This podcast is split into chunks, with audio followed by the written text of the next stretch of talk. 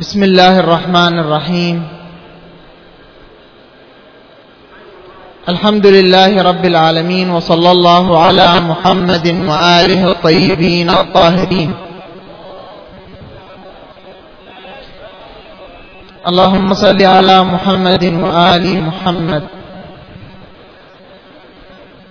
ولعن أعداءهم أجمعين إلى من الآن إلى قيام يوم الدين.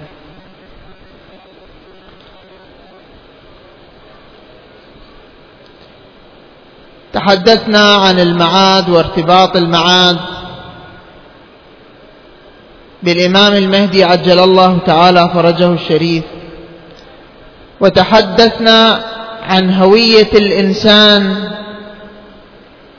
التي من خلالها يكون ارتباطه بالإمام المهدي عجل الله فرجه الشريف بشكل واضح. تحدثنا عن هوية المنتظر وعن نظرته الإيجابية للمجتمع. ونحن نقترب شيئا فشيئا من ليلة القدر. هذه الليلة التي لها ميزات ومواصفات خاصة لا بد أن نقترب أيضا شيئا فشيئا من الإمام عجل الله تعالى فرجه الشريف. كلما أراد الإنسان أن يحصل ميزات ليلة القدر لا بد أن يحصله. اقترابا من الإمام دون أن يكون هناك قرب من الإمام لا يمكن أن نحصل على ذلك التنزل. تنزل الملائكة والروح فيها بإذن ربهم من كل أمر. كل شيء ينزل في ليلة القدر. على من ينزل؟ على إمام العصر على إمام الزمان. فالموفق من كانت له علاقة مع الإمام ليعطاه والخاسر من كانت ليس له علاقة وكان قاطعا للعلاقة مع الإمام فلا يحصل على فلا يحصل من شيء. فلا يحصل على شيء. فليس له شيء في ليلة القدر.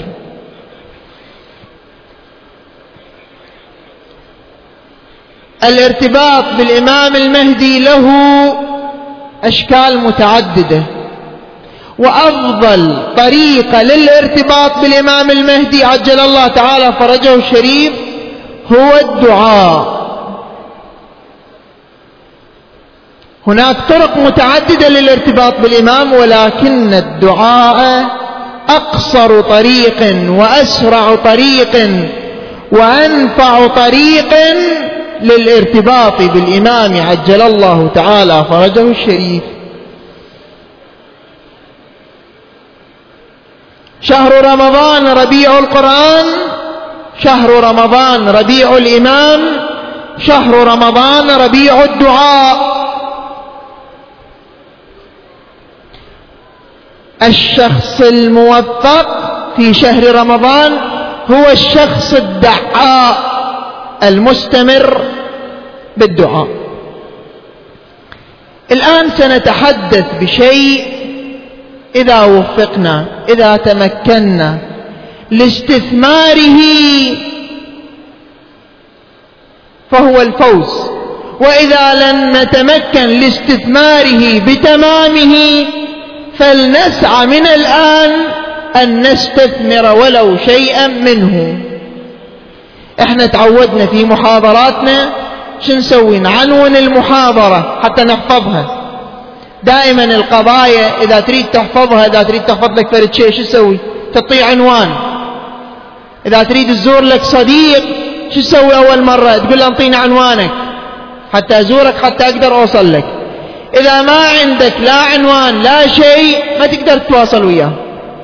أيضا هاي الأبحاث العلمية إذا ما تعنونها ما تستفيد من عندها بعد ساعة نسألك شو قلنا؟ تقول ما أدري. أما إذا عنونت كتبت عنوان اليوم صار موضوعنا كذا احكينا فيه كذا استفدنا كذا إيش قد أقدر أطبق أثناء حياتي أثناء مسيرتي أثناء عبادتي أثناء عملي. عنواننا لهذا اليوم شنو؟ تطبيقات النظرية الإيجابية في التمهيد للظهور وتوثيق العلاقة بالإمام من خلال الدعاء. إحنا شحكينا قبل ست أيام؟ قلنا هناك نظرة إيجابية للحياة وهناك نظرة سلبية. اللي عنده نظرة إيجابية للحياة طبيعة الحياة الوجود بالحياة كله بأكمله يختلف عنده. أما اللي عنده نظرة سلبية أيضا وضع الحياة بأكمله يختلف. قلنا هاي نظرة عامة شاملة لكل الحياة. واحدة من مفردات الحياة الإمامة الارتباط بالإمام العمل مع الإمام. هذه مفردة. أيضا بيها؟ بيها نظرة إيجابية بيها نظرة سلبية.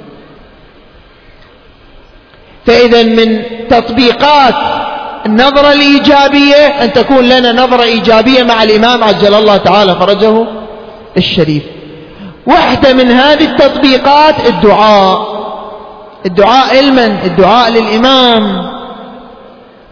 هسه واحد يقول ليش هو الإمام محتاج دعاء من عندنا؟ إي محتاج. ومو بس محتاج لا أمر. بأن يدعى له. لا مو بس أمر شوف. أمر بأن يكثر من الدعاء له. أكثر الدعاء بالتوقيع الشريف للإمام عجل الله فرجه الشريف واكثروا من الدعاء بالفرج فإن في ذلك فرجكم كثروا من الدعاء. اللهم كل وليك دعاء الافتتاح هذا دعاء لتعجيل الفرج دعاء الندبة دعاء السمات. أدعية يوم الجمعة أدعية الآن راح تجينا مجموعة هي في متناول يدنا نتعامل معها يوميا اسبوعيا شهريا سنويا ولكن ما نشوف أثرها. ها شنو الأسباب؟ راح نشوف. الطريقة شلون ندعي؟ راح نشوف. شلون نوجد ارتباط؟ راح نشوف. هذا البرنامج العبادي اللي عنوناه شنو؟ طريقة الارتباط بالإمام من خلال الدعاء. هذا إذا ما حفظنا راح يضيع الموضوع من إيدنا. إذا الآن إحنا نتحدث عن طريقة الارتباط بالإمام من خلال الدعاء. أأكد إحنا في شهر الارتباط في شهر الدعاء في شهر تنزل الرحمة. الإنسان الخاسر ذلك الخسران المبين من خسر أن يربح في شهر رمضان. كل الخسارة من يخرج من شهر رمضان صفر اليدين.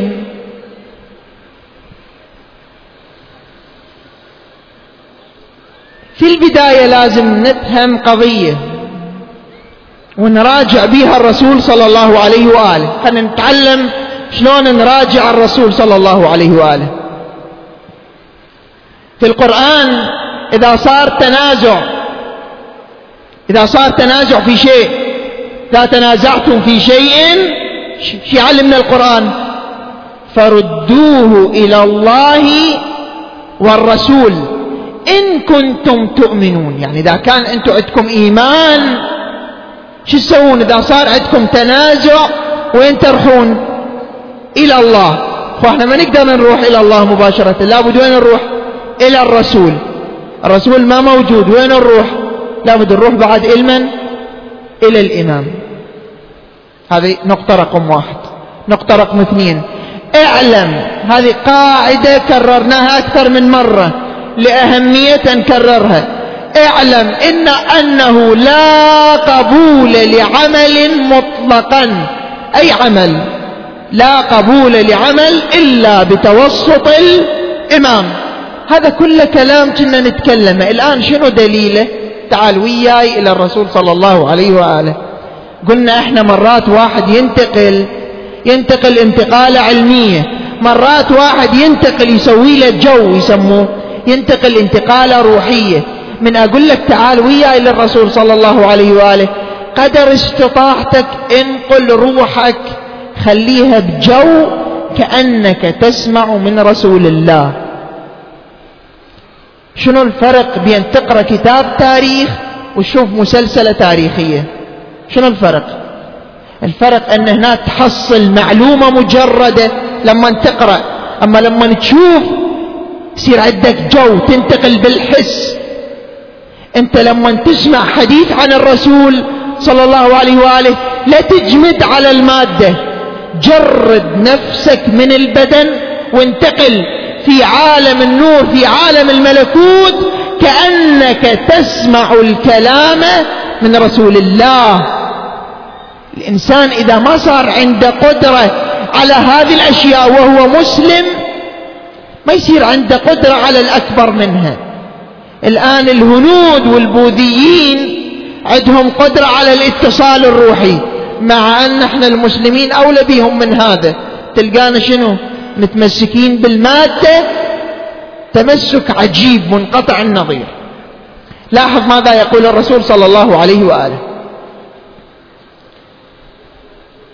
ذر ذروة الأمر.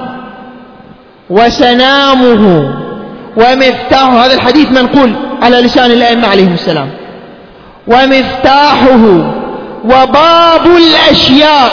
شوف باب الأشياء كل شيء.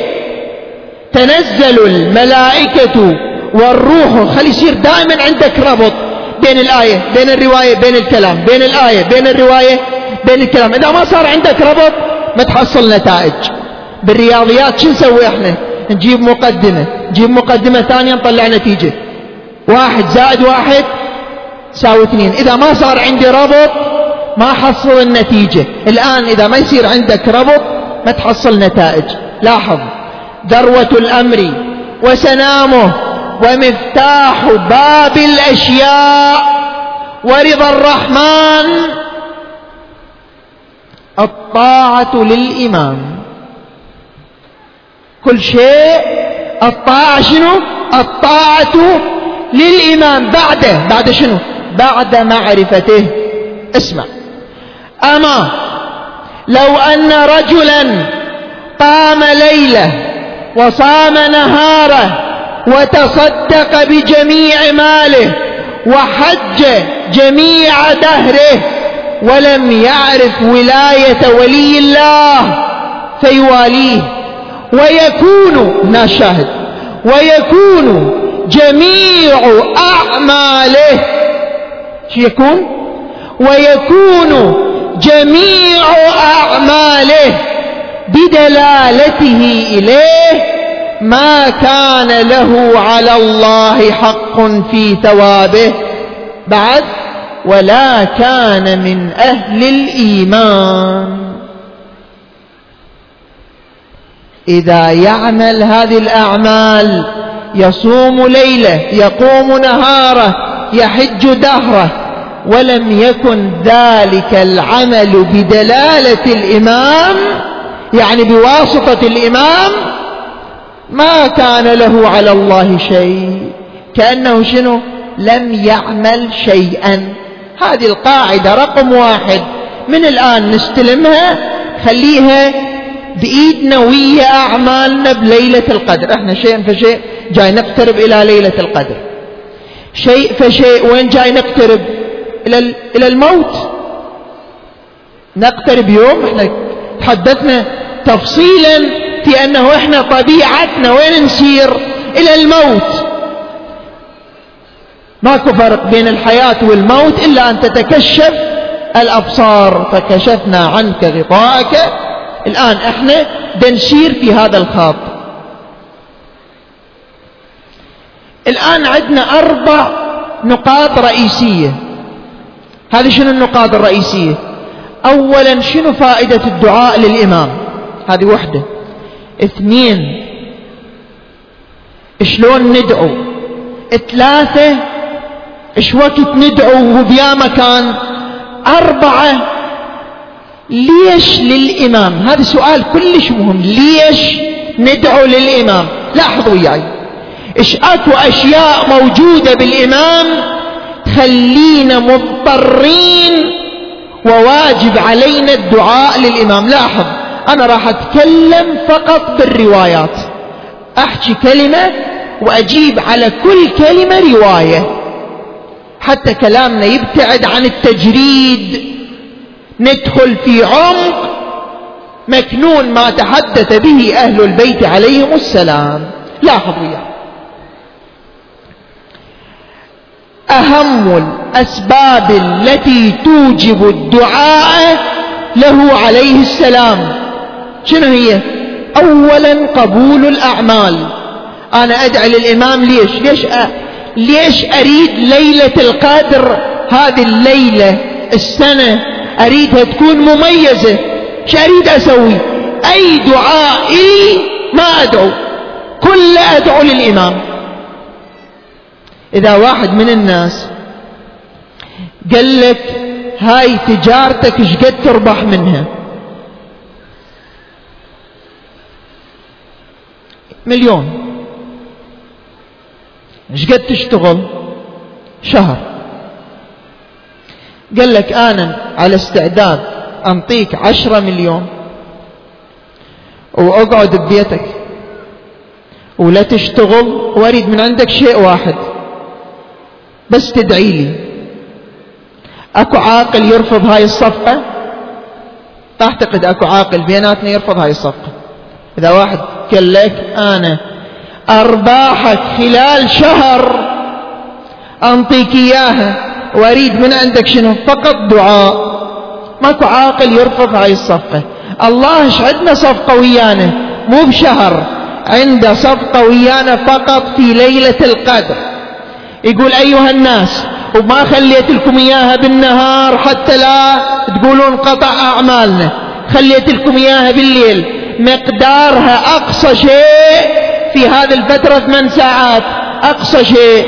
أيها الناس أنا عندي صفقة وياكم تجارة. أنتوا أنطوني هاي الثمان ساعات بإخلاص أنطيكم مقدرات عمركم كله. أي عاقل يرفض هاي الصفقة؟ ليلة القدر خير من ألف شهر.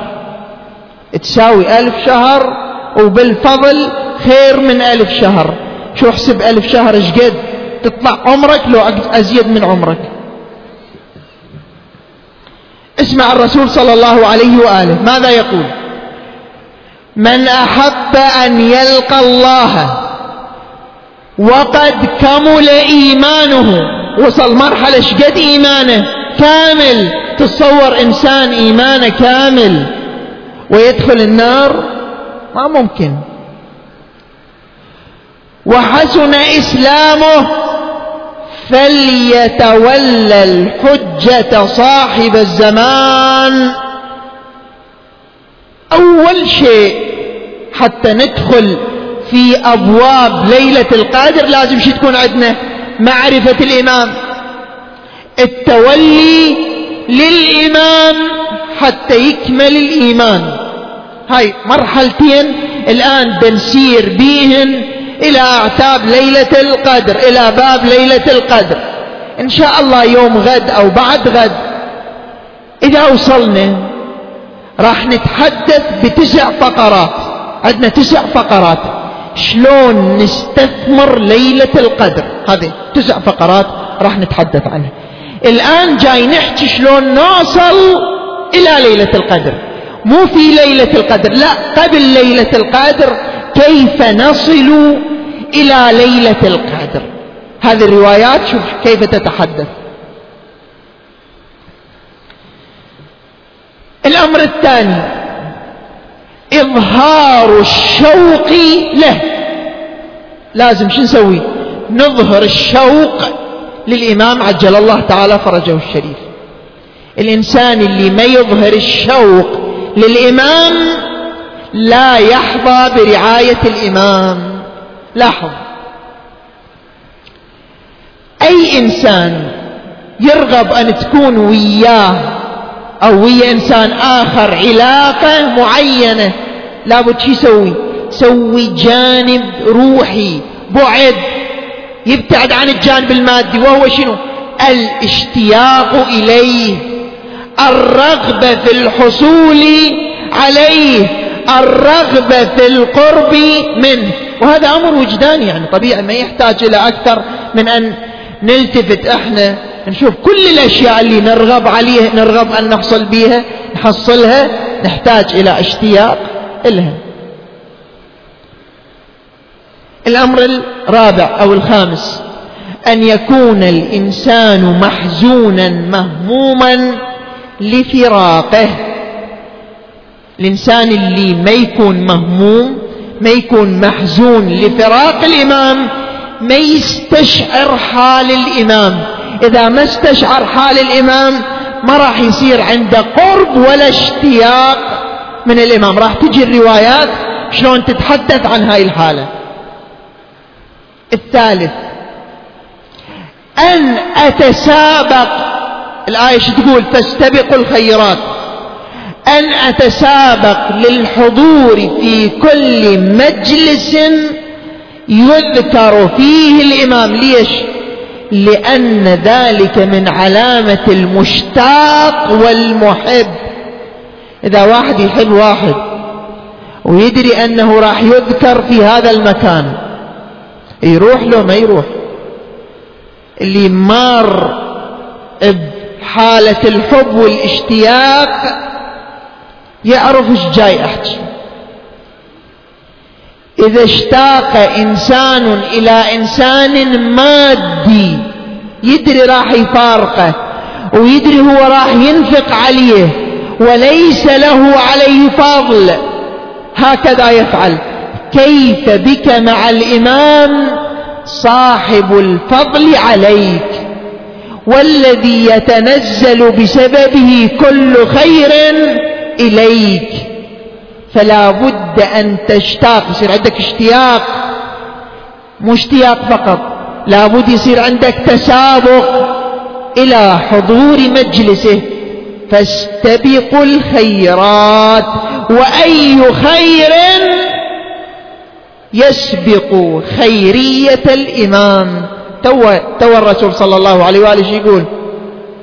يقول جميع الأعمال شوف الخير كله. جميع الأعمال بدلالته. تنزل الملائكة والروح فيها بإذن ربهم من كل أمر كل شيء. فإنت إذا تستبق إليه سيعطيك بمقدار ذاك الاستباق سيعطيك بمقدار ذلك الشوق سيعطيك بمقدار ذلك الحب وهكذا ستأتي الأشياء التي توجب اللزوم والوجوب للحضور في مجلسه عجل الله تعالى فرجه الشريف.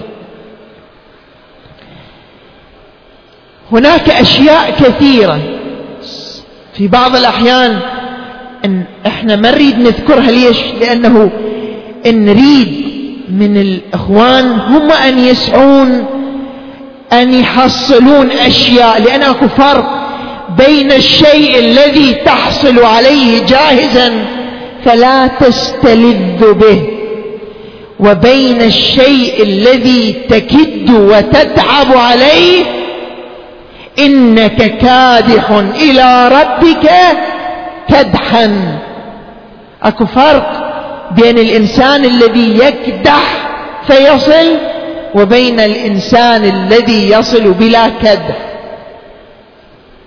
لابد أن يكون يتخلل عملية الوصول وتحصيل الرغبة كدح. شوفون الإنسان اللي يتعب في عمله يحس بلذة.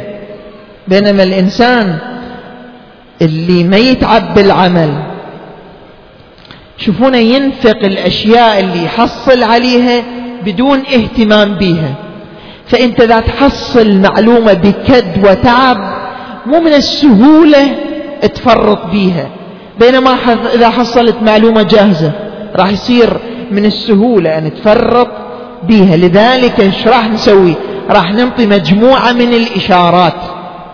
هاي الإشارات شو تسوي؟ تحرك دافع البحث. إذا تحرك دافع البحث أنت يجب عليك أن تحصل المعلومة حتى تكملك في طريق الوصول. ولا ما يصير كل شيء جاهز. القرآن ماذا يقول؟ قل شوف الرسول اللي عنوانه شنو؟ شنو عنوان الرسول صلى الله عليه وآله؟ وما أرسلناك إلا رحمة للعالمين. شي يقول الرسول صلى الله عليه وآله؟ قل تعالوا. ماذا يقول؟ قل تعالوا أتل عليكم ما حرم ربي. إذا تريدون حلال وحرام ما يصير بلا تعب. يا أيها الذين آمنوا إذا ناجيتم الرسول فقدموا. لابد أن يكون هناك جد تعب جهد حتى تكون المعلومة شبيها إلها قيمة المعلومة الخالية عن الكدح فاقدة للجوهر. هذا هذا معناه شنو؟ معناه خلي نلتفت للإشارات حتى نحصل جملة من المعلومات. زين. الآن ننتقل نتكلم عن جملة من حقوق الإمام علينا. شكو للإمام حقوق علينا. راح أذكر جملة من حقوقه وأترك شيئين مهمين إلى يوم غد حتى لا أطيل. الشيء الأول وقت ندعو. الشيء الثاني في أي مكان وكيف ندعو. الآن خلي نذكر جملة من حقوق الإمام علينا اللي توجب أن نتوجه أن نسعى أن نكدح أن نجد أن نشتاق أن نتسابق في الدعاء إليه. شوف. أولا وجودنا بسببه ليش؟ لولا لولا الرواية لولا الإمام لساخت الأرض بأهلها. فإذا إذا رفع الإمام ماذا يرفع؟ يرفع كل شيء بعد ماكو وجود. إذا بقى الإمام بقينا إحنا. فأول شيء من حقوق الإمام علينا أن وجودنا في الدنيا بسببه. وجودنا بالدنيا بسبب إذا واحد صار وجودك بسببه. إذا واحد انطاك كلى لمن عنده عجز عن الكلى. إذا انطاك بطل دم. أكو فد يوم تشوفه بالشارع ما تشكره. زين إذا ما شفته شو تسوي على أقل تقدير تدعو له. تقول اللهم ارحم فلان اللهم وفق فلان. هذا منطق كلى منطق بطل دم منطق شيء واحد. انطاك وجودك بأكمله. شقد يحتاج دعاء حتى تشكره. زين إذا ما شكرته راح تقول له يوم القيامة. تقول له أعتذر العفو ما قدرت إيش تريد تقدم له يعني؟ إيش تريد تقول له؟ هذه أول وحدة تخلينا ندعو له. لا مو ندعو له. يجب أن ندعو يجب أن ندعو له. الثانية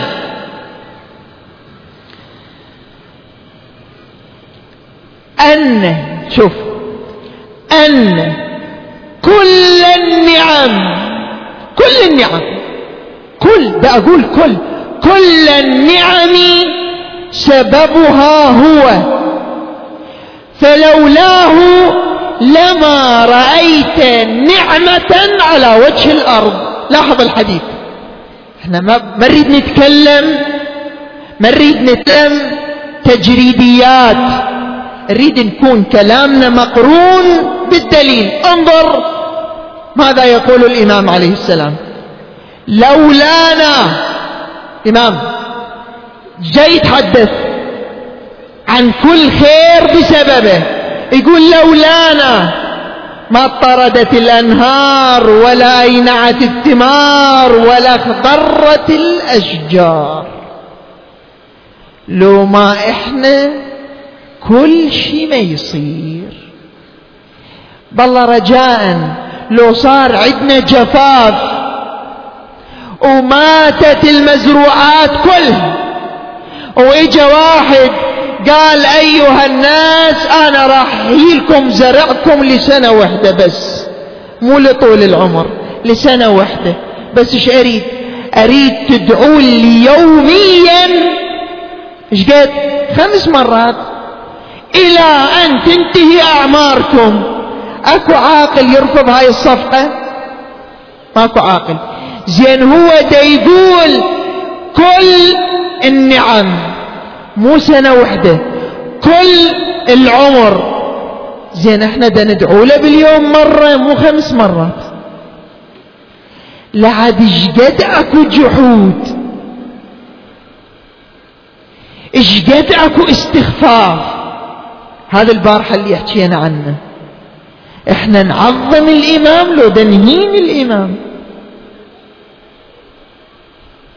مثل واحد يقدم لك هدية تضربها على وجهه. أكو أحد يقول هذه مو إهانة؟ الثالثة وأنهي. طبعا أنا كاتب خمسة وعشرين حق. أنا كاتب في هذه خمسة وعشرين حق. تناولت الآن بس إيش قد؟ بس ثلاث. عجيب إيش قد إلى حقوق. شوف الحق الثالث هذا الحق الثالث نبي يعني. إذا كان واحد بمجال يغفل هذا الحق الثالث ما بمجال. شوف. وحق الوالد على الولد. حق الإمام علي شنو؟ وحق الوالد على الولد. بالله أكو واحد ينكر عقوق الوالدين؟ وإن جاهداك على أن تشرك بما ليس لك به علم فلا تطعهما وصاحبهما في الدنيا. وهم شنو دولي؟ كافرين. معروفا وقضى ربك ألا تعبدوا إلا إياه اثنين. وبالوالدين إحسانا.